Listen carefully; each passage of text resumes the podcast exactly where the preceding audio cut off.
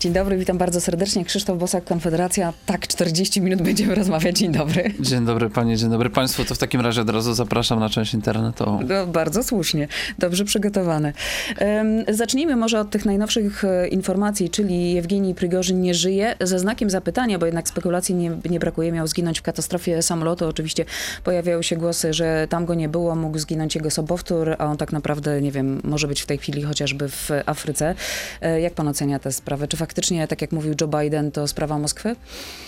Ja Jeśli w ogóle faktycznie nie, nie, żyje. Chyba wszyscy, którzy obserwują sytuację w Rosji, spodziewali się takiego obrotu sprawy. E, gdyby e, jakiś wypadek się nie zdarzył e, liderowi grupy Wagnera po tej próbie puczu, która była, no to wprost by to zagrażało ciągłości władzy Putina, więc znany on jest ze swoich metod skrytobójstwa, umacniania swojej władzy poprzez mordowanie przeciwników. Więc to nie jest zaskoczeniem, natomiast do tych informacji bym podchodził bardzo spokojnie. One się mogą okazać prawdziwe, nieprawdziwe. Najważniejsze jest dla nas, żeby zdawać sobie sprawę, że to nie zmieni sposobu działania prawdopodobnie ani grupy Wagnera, ani y, y, rosyjskich sił specjalnych, ani rosyjskiej armii. To jest po prostu element ich systemu służb specjalnych. Y, oni w swojej kulturze państwowej mają posługiwanie się takimi oddziałami, y, które udają niezależne od państwa rosyjskiego, ale wszyscy na arenie międzynarodowej wiedzą, że to jest instrument rosyjskiej polityki i no, to, to jest po prostu zmiana jednego pionka na innego. Co takiego się zadziało że Konfederacja traci w sondażach? Ja byłbym bardzo spokojny też wobec tych sondaży. Sondaże raz idą w górę, raz idą w dół. Liczy się wynik wyborów. My od lutego czy od stycznia byliśmy w trendzie wzrostowym. Nikt nam tego nie wróżyła. Przegoniliśmy i trzecią drogę i lewicę. E, no i też e, chyba dla żadnej partii politycznej trend wzrostowy nie trwa wiecznie. To, to zawsze są takie wahania w górę i w dół. Przypomnijmy, błąd sondażowy wynosi około 3 punktów procentowych. W jednym z tych sondaży mieliśmy spadek aż 5 punktów procentowych. Dokładnie. Inne sondaże tego nie potwierdzają. Mhm. Więc ja uważam e, traktuję to w kategoriach błędu pomiarowego. Liczy się dla tych, którzy poważnie zajmują się socjometrią, liczy się trend i liczy się średnia sondażowa. I my sobie tą średnią sondażową będziemy oceniać gdzieś tam we wrześniu, czy w drugiej połowie września i będziemy widzieć, co się wydarzyło. Natomiast kampania wyborcza Konfederacji się po prostu dopiero e, rozpoczyna. Jeżeli pani redaktor pyta, co się stało, to moim zdaniem nasi przeciwnicy zaczęli nas traktować bardzo poważnie. Pojawiły się ataki ze strony i Kaczyńskiego, i Tuska w ich przemówieniach na nas. Wcześniej nas ignorowali. Teraz zaczęli nas atakować, bo widzą, że staliśmy się trzecią siłą polityczną i po prostu obawiają się odpływu tak. wyborców mhm. rozczarowanych pisem czy platformą do A kiedy skończą się te ataki i zacznie się e, próba rozmowy o tworzeniu przyszłej koalicji z jednymi czy drugimi? One się nie skończą do wyborów, pani redaktor, a po wyborach może być tylko jeszcze goręcej, e, dlatego że e, Konfederacja nie zamierza ani przedłużać władzy PiSu, ani ułatwiać Tuskowi powrotu do władzy i to budzi niezadowolenie i w PiSie, i w Platformie. My po prostu nie chcemy odtwarzać odtwarzać, a nie przedłużać patologicznych układów w Polsce. Oceniamy te rządy PiSu jako bardzo zdemoralizowane i bardzo złe. I podobnie oceniamy rząd y, Tuska, y, pod którego władzą żyliśmy przez 8 lat i dobrze pamiętamy, co się wtedy działo. Także y, Konfederacja tutaj jest siłą prawdziwej opozycji. Nie dogadywała się w odróżnieniu na przykład od Lewicy nigdy po cichu z PiSem. Tak jak Lewica po cichu z PiSem się dogadywała na KPO, czy, czy w prezydium Sejmu się dogadują e, na różne rzeczy platformersi z pisowcami, PSL-owcami, Lewicą. My jesteśmy poza tym układem więc ja myślę, że ataki na nas się nie skończą. Ta rywalizacja będzie trwała w Polsce wiele lat, bo żeby coś zmienić, to po prostu tu jest potrzebna e, siła zupełnie niezależna od tego układu, który rządzi w tej chwili. No ale żeby coś zmienić, to trzeba e, mieć władzę i trzeba rządzić, a jeżeli z nikim nie chcecie się dogadywać, to potencjalnie program, jaki prezentujecie, o czym mówicie, o zmianach, jakie chcecie wprowadzić w Polsce, no nie będą miały racji bytu. Żeby osiągnąć władzę, trzeba mieć zaufanie społeczne i poparcie. I my jesteśmy w fazie budowania tego zaufania społecznego i poparcia i w fazie budowy poważnej parlamentarnej, wielonurtowej siły politycznej. E, w poprzednich wyborach e, żadna sondażownia e, nie wróżyła nam, ani żadne media nie, nie wróżyły nam wejścia do Sejmu. To się udało. W tej chwili z poziomu posiadania koła z 11 posłami mamy szansę przejść na poziom klubu posiadającego kilkudziesięciu posłów i natychmiast po wyborach przystąpimy do dalszej pracy nad przemodelowaniem sceny politycznej, żeby utrwalić pozycję swoją w polityce parlamentarnej jako poważnej, dużej siły politycznej politycznej, wielonurtowej, bo mamy i nurt konserwatywny, i narodowy, i wolnościowy, mamy polityków e, o różnych poglądach i o różnych biografiach politycznych, którzy mieszczą się we wspólnej partii. Pokazujemy, że jesteśmy zdolni do dyskusji wewnętrznej e, i oczywiście do dyskusji z innymi partiami też jesteśmy gotowi, ale to nie znaczy, że palimy się do tworzenia z nimi rządu, bo oceniamy po prostu bardzo negatywnie tak PiS, jak i Platformę. I podobnie jak bardzo wielu Polaków. Zagłosuje pan w referendum i odpowie na pytania, które zaproponowało Prawo i Sprawiedliwość? Ja co do zasady staram się głosować we wszystkich wyborach i referendach, więc pewnie tak. Natomiast te pytania, które przedstawił PiS, oceniam raczej negatywnie. Uważam, że nie ma to nic wspólnego z próbą rządzenia na podstawie odczytywania oczekiwań Polaków.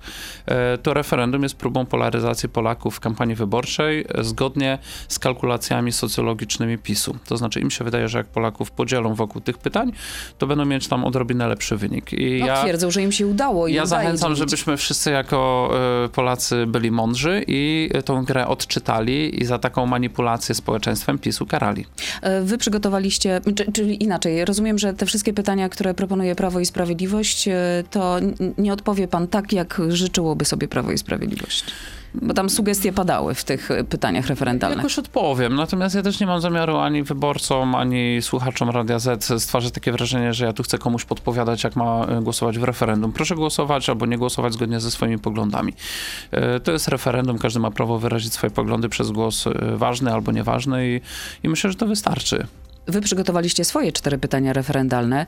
E, pierwsze dotyczy wypłacania świadczeń socjalnych imigrantów, drugie waloryzacja 500 plus do 800, ograniczenie możliwości korzystania z gotówki i zakaz rejestracji samochodów spalinowych od 2035. Dlaczego akurat takie, a nie inne kwestie? O, prezentowaliśmy też jeszcze inne kwestie wcześniej. Jak PiS e, zaczął e, z tym tematem unijnego systemu dystrybucji tych nielegalnych imigrantów przedstawionych jako uchodźcy, to my przedstawiliśmy na początku cztery dodatkowe pytania o politykę imigracyjną proimigracyjną, bo rząd Mateusza Morawieckiego prowadzi najbardziej proimigracyjną politykę otwartych granic na legalną imigrację w historii w ogóle Polski. Mm, e, I, I nigdy o to Polaków nie zapytał, ani nigdy nie zrobił w tej sprawie żadnej debaty w Sejmie. Oni się tego tematu bardzo wyraźnie boją. E, gdy jeden minister w 2018 roku wygadał się, jakie mają plany, to go zdymisjonowali, a strategię, którą ten minister, to był wiceminister Chorąży, pisał, ukryli i do dzisiaj nie opublikowali. Strategię polityki migracyjnej wieloletnią. Więc my uważamy, że Polacy mają prawo odpowiedzieć nie tylko tylko na pytanie o to, jaką, na co my mamy się w Unii zgodzić lub nie zgodzić, ale na to, co powinien robić polski rząd. Na przykład, jeżeli ściągamy tutaj ze świata mm, setki tysięcy czy miliony imigrantów do pracy, także z kręgów zupełnie obcych kulturowo, przypomnijmy, że MSZ szykował rozporządzenie, zgodnie z którym z 20 państw na świecie miałaby być upro, uproszczony y, obsługa ruchu migracyjnego, z czego 13 państw to dominująco państwa muzułmańskie. E, więc to już się zaczęło, co się dzieje na Zachodzie. My uważamy, że y, można Polaków o to zapytać, żeby wyrazili swoją opinię. Mhm. E, w naszej ocenie niestety część błędów, które zostały popełnione na Zachodzie w polityce migracyjnej, Polska zaczyna e, powtarzać. Dokładnie tak samo jak we Francji, lat 70. to się zaczyna od wielkich miast. E, ludzie w mniejszych miastach na razie tego nie widzą i to jest baza wyborcza PiSu, dlatego PiS może sobie na to pozwolić. Natomiast e, tutaj nie ma darmowego lunchu. Jeżeli się chce mieć ten gospodarczy boost polegający na imigracji zarobkowej, to zawsze trzeba zapłacić koszt społeczny. I my na ten koszt społeczny kompletnie nie jesteśmy przygotowani. Nie mamy na przykład w ogóle administracji wydolnej w zakresie zakresie obsługi ruchu migracyjnego. Nie mamy żadnej polityki integracji imigrantów. Nie mamy żadnej koncepcji tego, nie mamy żadnej debaty na ten temat. No tu jest źle. Dlatego taki temat, tak? Mhm. Y, z badań wychodzi, że większość Polaków nie popiera przyznawania wszystkich świadczeń społecznych e, cudzoziemcom. A w tej chwili jest tak, że, że rząd naprawdę do każdej ustawy dopisuje cudzoziemców i pozwala im, znaczy pozwala, zachęca ich wręcz, próbuje zachętami socjalnymi ich tutaj No tak, ale... E, no, Później, jeżeli pani pytał o inne mhm. rzeczy, to one mają związek bezpośrednio z polityką rządu, na przykład jeżeli chodzi o zacieśnianie korzystania z gotówki. To rząd wprowadzał takie przepisy doklejające do przepisów covidowych. No i to jest kontrowersyjne społecznie. Polacy nie chcą, żeby im zabrano możliwość płacenia gotówką. Lepsza a kontrola. poprzedni minister finansów na przykład mhm. wręcz działał, czy, czy wprowadził instytucje państwowe do takiej fundacji Polska Bezgotówkowa, która wprost do tego zmierzała. Mateusz Morawiecki inspirował takie przepisy, które za, zawężają wolność e, finansową Polaków.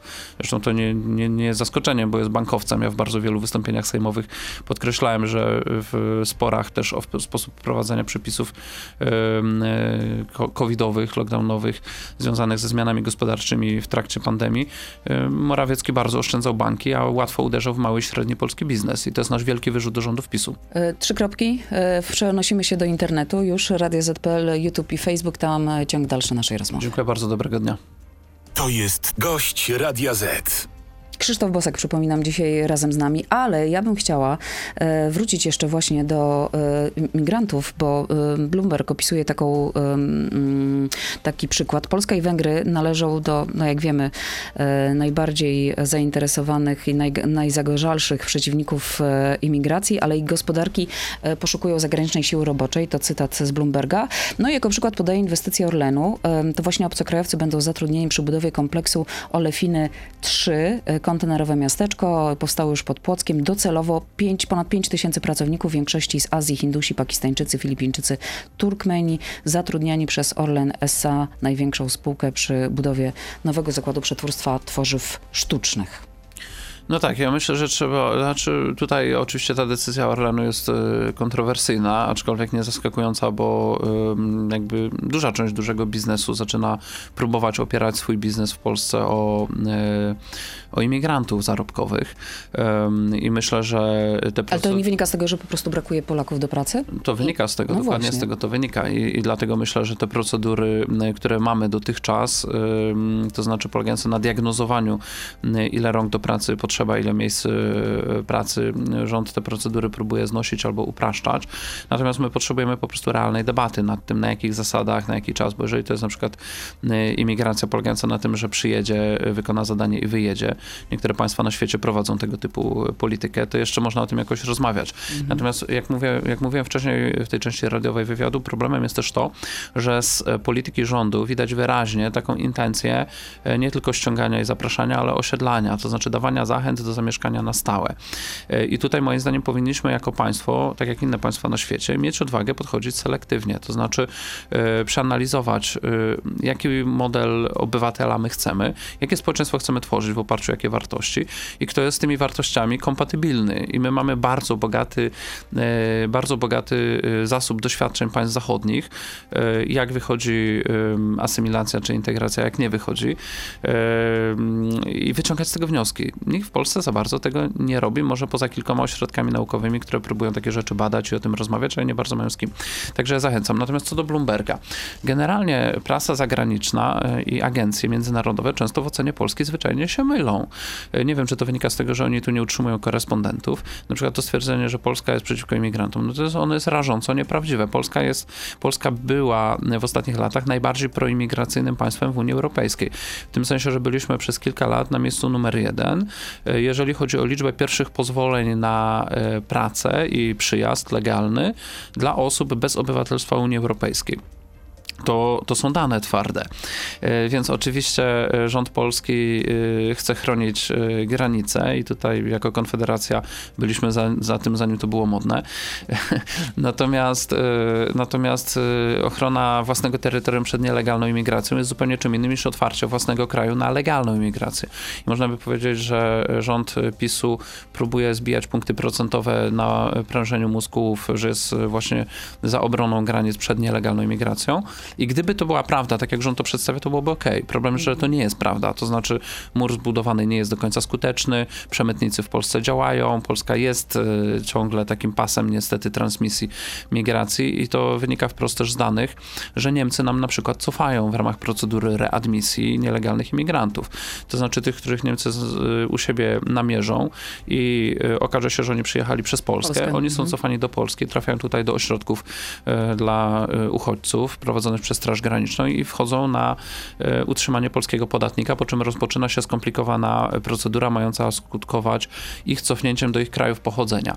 I niektóre kraje pochodzenia chcą ich przyjąć, a niektóre nie chcą. I się zaczyna skomplikowana przepychanka, która trwa czasem miesiącami czy latami, po czym włączają się w to organizacje praw człowieka i mówią tak nie można i tak dalej. I my za to wszystko płacimy. Także polityka rządu PiSu jest częściowo nieskuteczna w obszarze ochrony granic, niestety. E, Natomiast e, mamy jako Polska i tak znacznie lepszą sytuację niż państwa południa. Południa, y, gdzie tej polityki często w ogóle nie ma i to z przyczyn politycznych, po prostu No i jest dlatego paraliż. Unia Europejska próbuje znaleźć jakieś rozwiązania, w które będą, będzie za, zaangażowana cała Unia Europejska, a nie Te rozwiązania państwa są południowe. gorsze niż, niż problem, dlatego że Unia Europejska zamiast imigrację nielegalną zwalczyć, to y, kombinuje w kierunku jej zinstytucjonalizowania. Mhm. Tam jest taki język, że legalna i bezpieczna imigracja jest lepsza niż y, nielegalna, bo jak jest nielegalna, to ktoś może na pontonie utonąć, a jak jest legalna, to wtedy wszyscy przeżyją. No ale jeżeli z takim podejściem y, jeszcze zapewniania komfortu i bezpieczeństwa imigrantom nielegalnym, no to skończymy jako państwo zalane ym, idącym w dziesiątki, ale nie setki milionów strumieniem ludności z Afryki i z Azji, dlatego że y, w tej chwili Unia Europejska jest takim bardzo bogatym y, rezerwatem y, na tle świata, który jest generalnie biedniejszy i ma znacznie młodszą populację niż Europa. I albo Europa i Unia Europejska będzie podchodzić selektywnie do imigracji i będzie chronić swoje granice, albo po prostu stopniowo bezpieczeństwo i jakaś harmonia życia społecznego będzie znikać. I to w tej chwili już nastąpiło. Jeżeli ktoś śledzi uważnie doniesienia z Francji, z Wielkiej Brytanii, z Niemiec, to już nastąpiło. To znaczy kobiety nie decydują się wyjść na ulicę e, w miastach francuskich czy niemieckich e, po zmroku, a czasami w dzień. Ludzie w komunikacji publicznej przestają czuć się bezpiecznie. E, Zwiększa się liczba, liczba ataków i to też się zaczęło już w Polsce. Na przykład ostatnio prasa donosiła, że zwiększyła się mocno liczba przestępstw związanych właśnie z rabunkiem. Prasa informowała na przykład o gangach gruzińskich, a z policji mamy nie- nieoficjalne informacje, że policja nie jest przygotowana do rozbijania tych gruzińskich No tak, gangów. zresztą w, pojawiła się wczoraj też taka Pojawiły się informacja, że pierwsze informacje o 18-letni... molestowaniach na e, basenach. Tak, 18-letni Polak został zgwałcony w Niemczech, To z kolei sprawę Niemczech, badają tak, na miejscu. Afgańczyka, jak, podało, E, No i ambasador Niemiec media. został e, wezwany na spotkanie w, w związku z tym. Polska 2050 wczoraj takie przedstawiła trzy postulaty, które chce zgłosić do Państwowej Komisji Wyborczej. Kandydaci do parlamentu nie będą mogli prowadzić kampanii do referendum. Wybory muszą być tajne. Rozumiem, że chodzi chociażby o głosowanie w kwestii referendum, bo tam, żeby Mhm. e, nie uznać naszego głosu, to musimy otwarcie powiedzieć, że nie chcemy. Mhm. Czas liczenia głosów w komisjach wydłużony do 48 godzin. Co pan sądzi o tych propozycjach? Brzmią chyba racjonalnie. Brzmi jak takie trochę usprawnienie procedur i jakby Ale jest to realne według pana i da się, żeby kandydaci do parlamentu nie prowadzili kampanii do referendum? To już się dzieje. To jest bardzo dobre pytanie, czy to jest realne. E, No bo e, z czego wynika to pytanie? Ono oczywiście wynika z obawy o omijanie przepisów o finansowaniu kampanii wyborczych, tak? To znaczy, że niektórzy będą robić kampanię wyborczą, prowadząc kampanię de facto, znaczy formalnie referendalną, de facto kampanię wyborczą.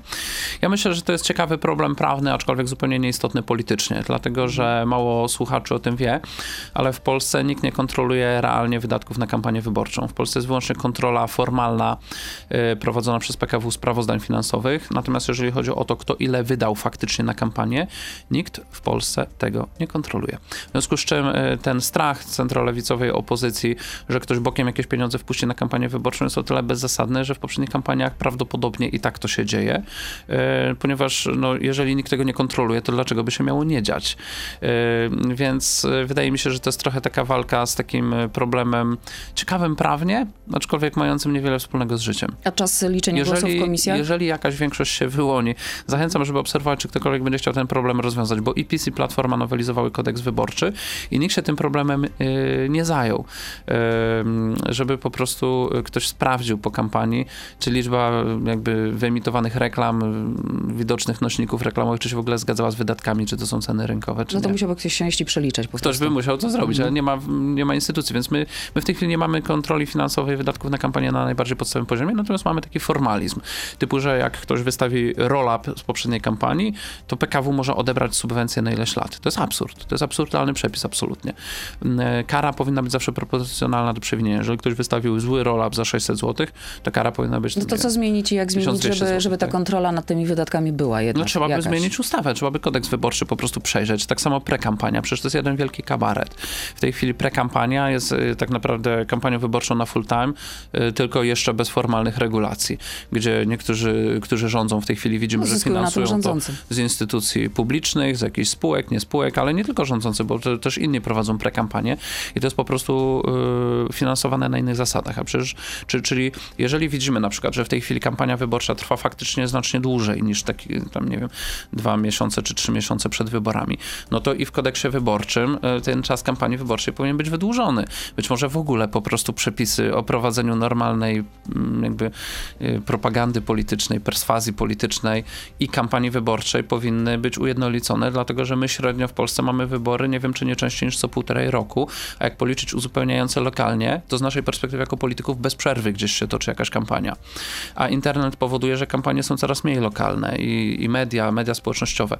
Więc mi się wydaje, że te wszystkie przepisy są takie anachroniczne, one są z takiej drugiej połowy XX wieku, nie odpowiadają współczesnej rzeczywistości. Też jeżeli chodzi na przykład o fundraising, elektroniczne formy fundraisingu, elektroniczne formy finansowania reklam. E, my mamy duże problemy później ze względu na różne rozwiązania technologiczne, które jakby za każdym razem trzeba pytać PKW. I jeszcze raz to podkreślę, i PiS i Platforma nowelizowały te przepisy i w ogóle się nie skupili na tym, co jest realnym problemem. Um... Spodziewa się pan i myśli pan o tym, bo w kontekście Konfederacji takie opinie się pojawiają, że bierzecie to pod uwagę. Ja wiem, że jesteśmy w kampanii wyborczej i, i to może trochę wyjście przed szereg, ale jednak, że przedterminowe wybory będą miały miejsce po tych wyborach? My tego nie wykluczamy. Nie wykluczamy tego. To będzie zależało od tego, kto wybory wygra i jakie będą zdolności sformowania się e, koalicji. Przedterminowe wybory są konstytucyjnie przewidzianym sposobem na wyjście z pasa politycznego, kiedy nie da się sformować rządu. Nie mamy takiej konstytucji jak na przykład Belgia, że na jakimś tymczasowym rządzie możemy jechać ponad rok czasu. To tak było w Belgii, że tam chyba nie mogli przez długi czas formować rządu. U nas e, to jest, można powiedzieć, krótka piłka, to znaczy, jeżeli w tych y, trzech krokach konstytucyjnych to się nie uda, y, to trzy miesiące później możemy mieć kolejne wybory. No i jeżeli tak będzie, to my jesteśmy gotowi. My byliśmy gotowi do wyborów w każdym terminie. W tej chwili pracujemy. W poprzednich wyborach, przypomnę, Konfederacja rejestrowała swoje listy przed tak zwanymi dużymi partiami.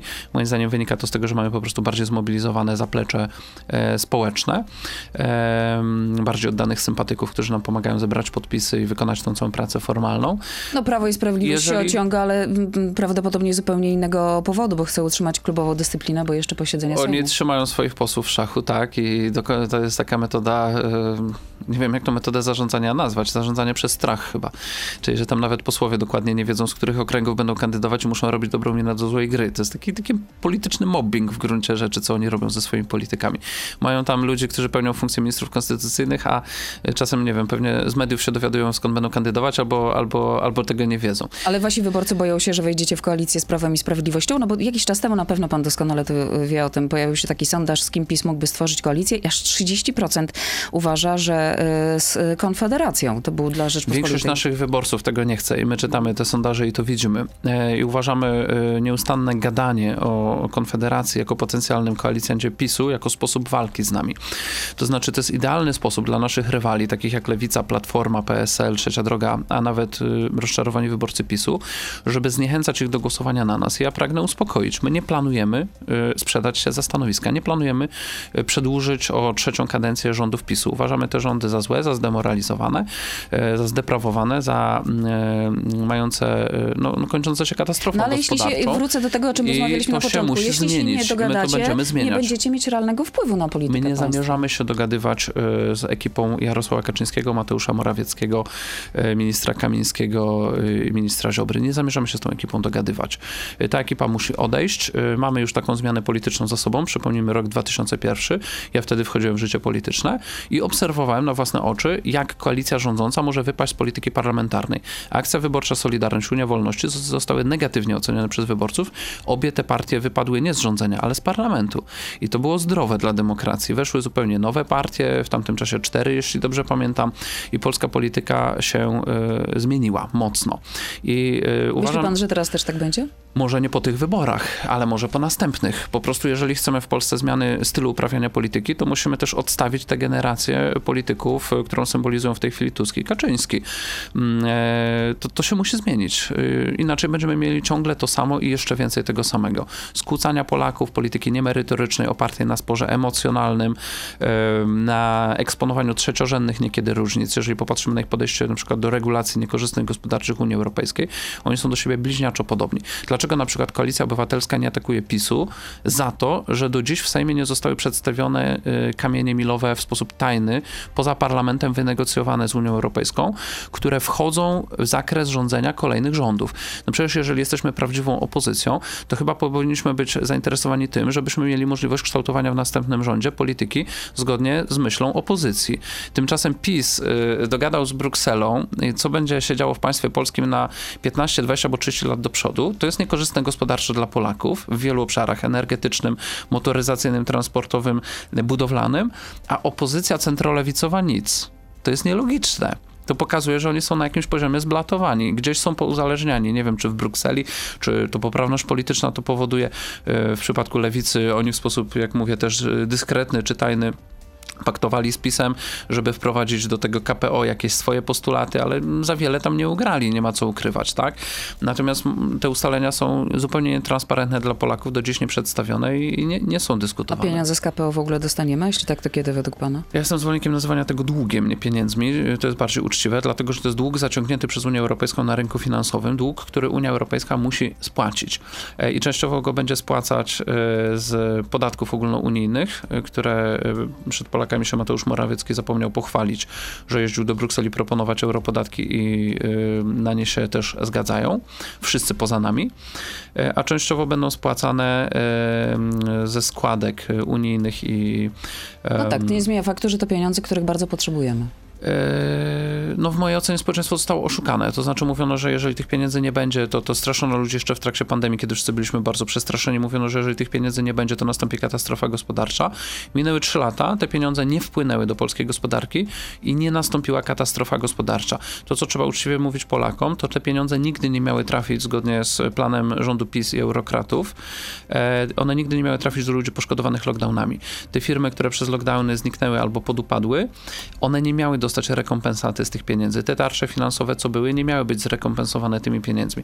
Te pieniądze mają pójść na realizację polityki częściowo planowanej przez eurokratów, czyli to są tak zwane znaczone pieniądze na tak zwaną transformację cyfrową. To w dużej mierze pójdzie do międzynarodowych korporacji IT. Na tak zwaną zieloną transformację to pójdzie do międzynarodowych dostarczycieli y, tych środków do budowy mm, odnawialnych źródeł energii. Mhm. Częściowo to pewnie poszłoby do sektora infrastrukturalnego, co byłoby pobudzające dla gospodarki, tu nie ma wątpliwości. No natomiast tych pieniędzy nie ma, a to dlatego, że premier Morawiecki przy akceptacji wszystkich w opozycji poza nami zgodził się na bardzo niekorzystny model, y, zupełnie nowy model y, transferu pieniędzy unijnych do Polski. Wcześniej mieliśmy model taki, że ustalano podział pieniędzy, one trafiały do Polski, były wydatkowane, a jeżeli były nieprawidłowości, to inspekcje unijne kontrolne miały prawo przeprowadzić kontrolę. A w tej chwili nie ma kontroli następczej, tylko jest kontrola poprzedzająca i to nie kontrola wydatkowa wydatkowania pieniędzy, tylko kontrola polityczna. To znaczy Mateusz Morawiecki zgodził się na taki reżim i został on stworzony zupełnie nowymi umowami, że jak my wypełnimy najróżniejsze wymagania polityczne, to może pieniądze dostaniemy, a może nie. Niezależnie już od tego, jak oceniamy te wymagania polityczne, na przykład związane z praworządnością, mhm. możemy mieć różną ocenę, ale sam sposób takiego skonstruowania przekazywania pieniędzy unijnych dla Polski jest pomniejszeniem polskiej pozycji w Unii Europejskiej i każdego innego państwa członkowskiego też, żeby było jasne. E, a nie jest, jest? to uczciwe, skoro zgadzamy się na pewne warunki, funkcjonujemy w pewnej przestrzeni, e, w pewnej grupie państw i e, one mówią, no dobrze, dostaniecie dług, pożyczkę, te pieniądze pod warunkiem, że... Pani redaktor, y, politycy są po to, żeby bronić interesów swoich społeczeństw. I pytanie o uczciwość jest tutaj moim zdaniem w ogóle bardzo trudne, bo pytanie, co, jakby, jak definiujemy uczciwość w stosunkach europejskich? Jeżeli y, odniesiemy to do traktatów, to to, na co zgodził się Morawiecki, Platforma, Lewica to poparła, nie ma zakorzenienia w traktatach w ogóle. Y, ten mechanizm jest pozatraktatowy, tego warunkowania politycznego wydatkowania KPO. Jeżeli popatrzymy na poprawność prawną tych rozwiązań, rozwiązań, to one są niepoprawne. Dlatego, że y, jeżeli byłyby dobrze przeprowadzone negocjacje w 2020 roku, to mielibyśmy katalog pisemny, jasnych warunków do spełnienia, zrozumiałych, napisanych przez prawników w sposób zrozumiały i można by łatwo określić, czy myśmy te warunki spełnili, czy nie. To skoro są a mamy otwarty, a mamy otwarty katalog warunków y, politycznych, które co więcej interpretacje zmieniają się jak w kalejdoskopie. Na przykład w jednym czasie okazuje się, że jakaś ustawa spełnia te warunki, a dwa miesiące później się okazuje, że nie spełnia. E, to jest, e, to nie ma nic wspólnego z praworządnością. To są po prostu siłowe negocjacje polityczne na bardzo niejasnych zasadach.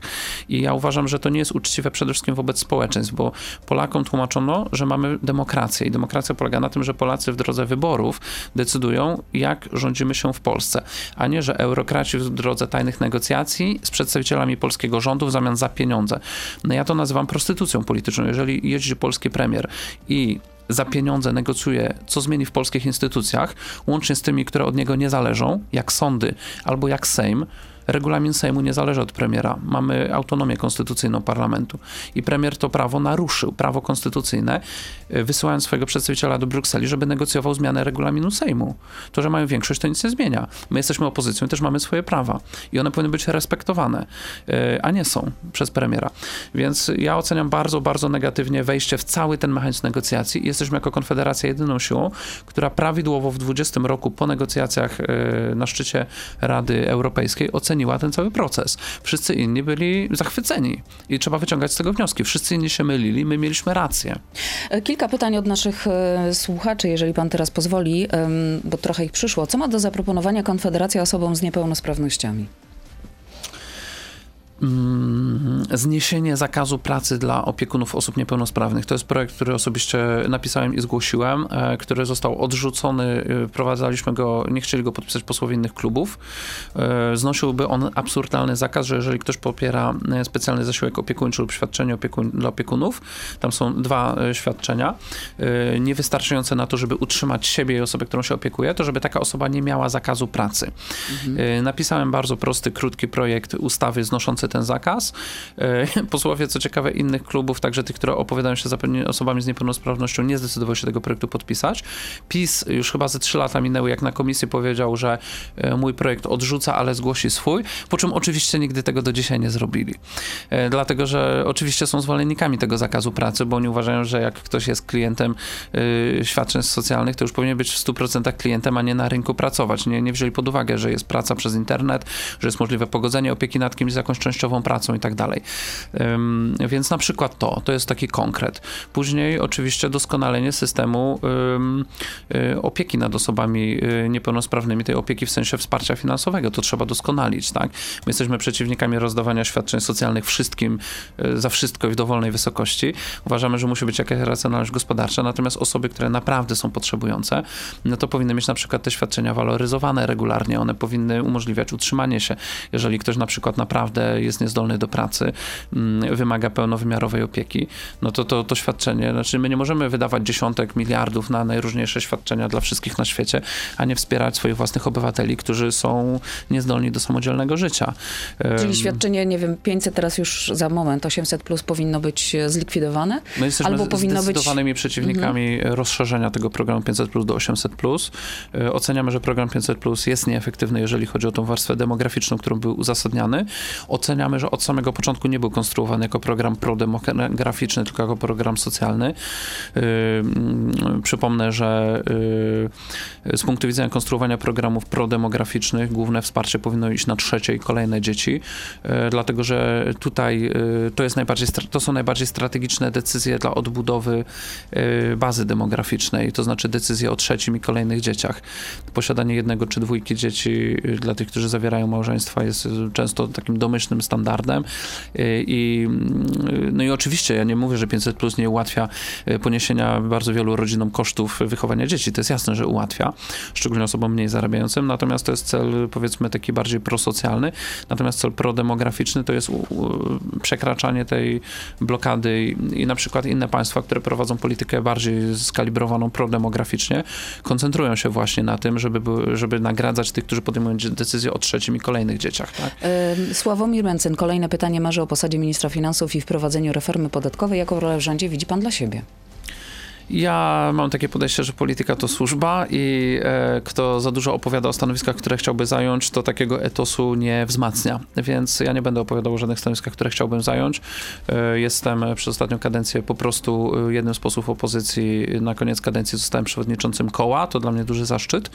Mm, E, między innymi możliwość brania udziału w konwentach seniorów i reprezentowania swojego koła. Natomiast w przyszłości, no, mm, jakby do takiej roli, y, do jakiej y, będzie potrzeba, do takiej roli y, będę przystępował, tak? Nie, nie, nie- nie, nie chcę wskazywać żadnych stanowisk, które chciałbym objąć. Wraca pytanie, ale też pozwolę sobie do niego wrócić. Wprawdzie już o tym rozmawialiśmy dzisiaj. Konfederacja nie chce władzy Kaczyńskiego lub Tuska, nie będzie z nim tworzyć rządu, a chce realizować swój program po wyborach. W którym momencie realizowanie programu zostanie współpracą w rządzie, a do którego etapu jeszcze nie? Bez PiSu lub PO programu nie da się realizować.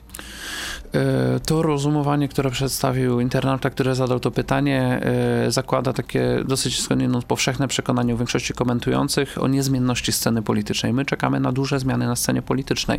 My zakładamy, że kiedy PiS zostanie od, odspawany od tego od przysłowiowego koryta, e, to się po prostu zacznie kruszyć i, i wyborcy zaczną też widzieć miałkość tej formacji być może pęknie jakaś y, zmowa, y, zasłona też taka, nie wiem, niewiedzy u wyborców PiSu co do efektów tych rządów, bo wyborcy PiSu ewidentnie są zaczarowani przez propagandę rządową. Tą propagandę trzeba przekuć, ten balonik propagandy rządowej. Zachęcam wyborców PiSu, może będą słuchać tego wywiadu, żeby przeczytali sobie założenia strategii odpowiedzialnego rozwoju premiera Mateusza Morawieckiego, która była bardzo intensywnie reklamowana jako program rządów PiS yy, w latach 2015-16. Chyba ostatni raz oni o tym mówili w 2017 roku. I żeby sprawdzić, ile z tego zostało wykonane. Otóż prawie nic. Prawie prawie nic. Y, tego całego systemu świadczeń społecznej i promigracyjnej polityki, którą PiS rozwinął, w ogóle tego nie było ani w programie rządu PiS, ani w strategii odpowiedzialnego rozwoju.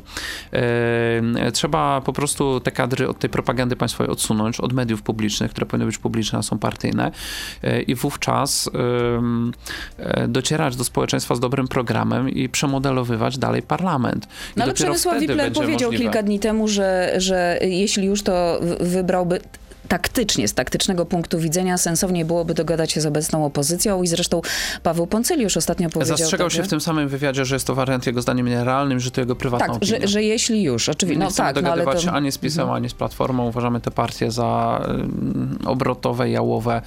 Ja w ogóle uważam, że najbardziej prawdopodobny wariant jest taki, że niezależnie czy PiS, czy Platforma wygra te wybory, y, to oni po prostu brakujących posłów sobie dobiorą albo dokupią z partii podobnych programowo. To znaczy jako podobne programowo oceniam y, Trzecią Drogę i Lewicę i, i, i, nawet z drugiej strony tam frakcje w PiSie czy Platformie. Przecież my mamy już listę idącą w kilkadziesiąt osób, y, tych, którzy migrowali z PiSu do Platformy albo w drugą stronę. To jest naprawdę bardzo A te migracje są bardzo różne. A obecny rząd, przypomnijmy, trwa tylko dlatego, że część posłów, y, czy, czy pojedynczy posłowie z list, wybrani z list Lewicy, PSL i Platformy, przeszli do koalicji rządzącej, bo gdyby PiS miał rządzić tylko w oparciu o swoich posłów, to by już nie rządził, już by stracił większość. Natomiast za każdym razem, jak ktoś od nich odchodził, to tam przychodził ktoś jeszcze z tych innych partii. My jesteśmy jako Konfederacja jedynym środowiskiem, które nikogo nie straciło na rzecz rządu.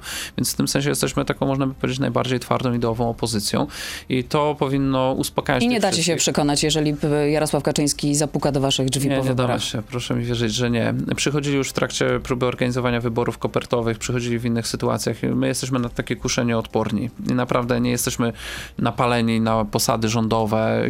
Naprawdę, gdy, gdybyśmy byli, ja byłem 12 lat y, poza parlamentem. Najpierw byłem najmłodszym posłem, później byłem 12 lat poza parlamentem, później udało się zrobić konfederację. Naprawdę byłem w tym czasie y, w kontakcie i z tymi, y, którzy są w PiSie, i z tymi, którzy są w Platformie. Mm,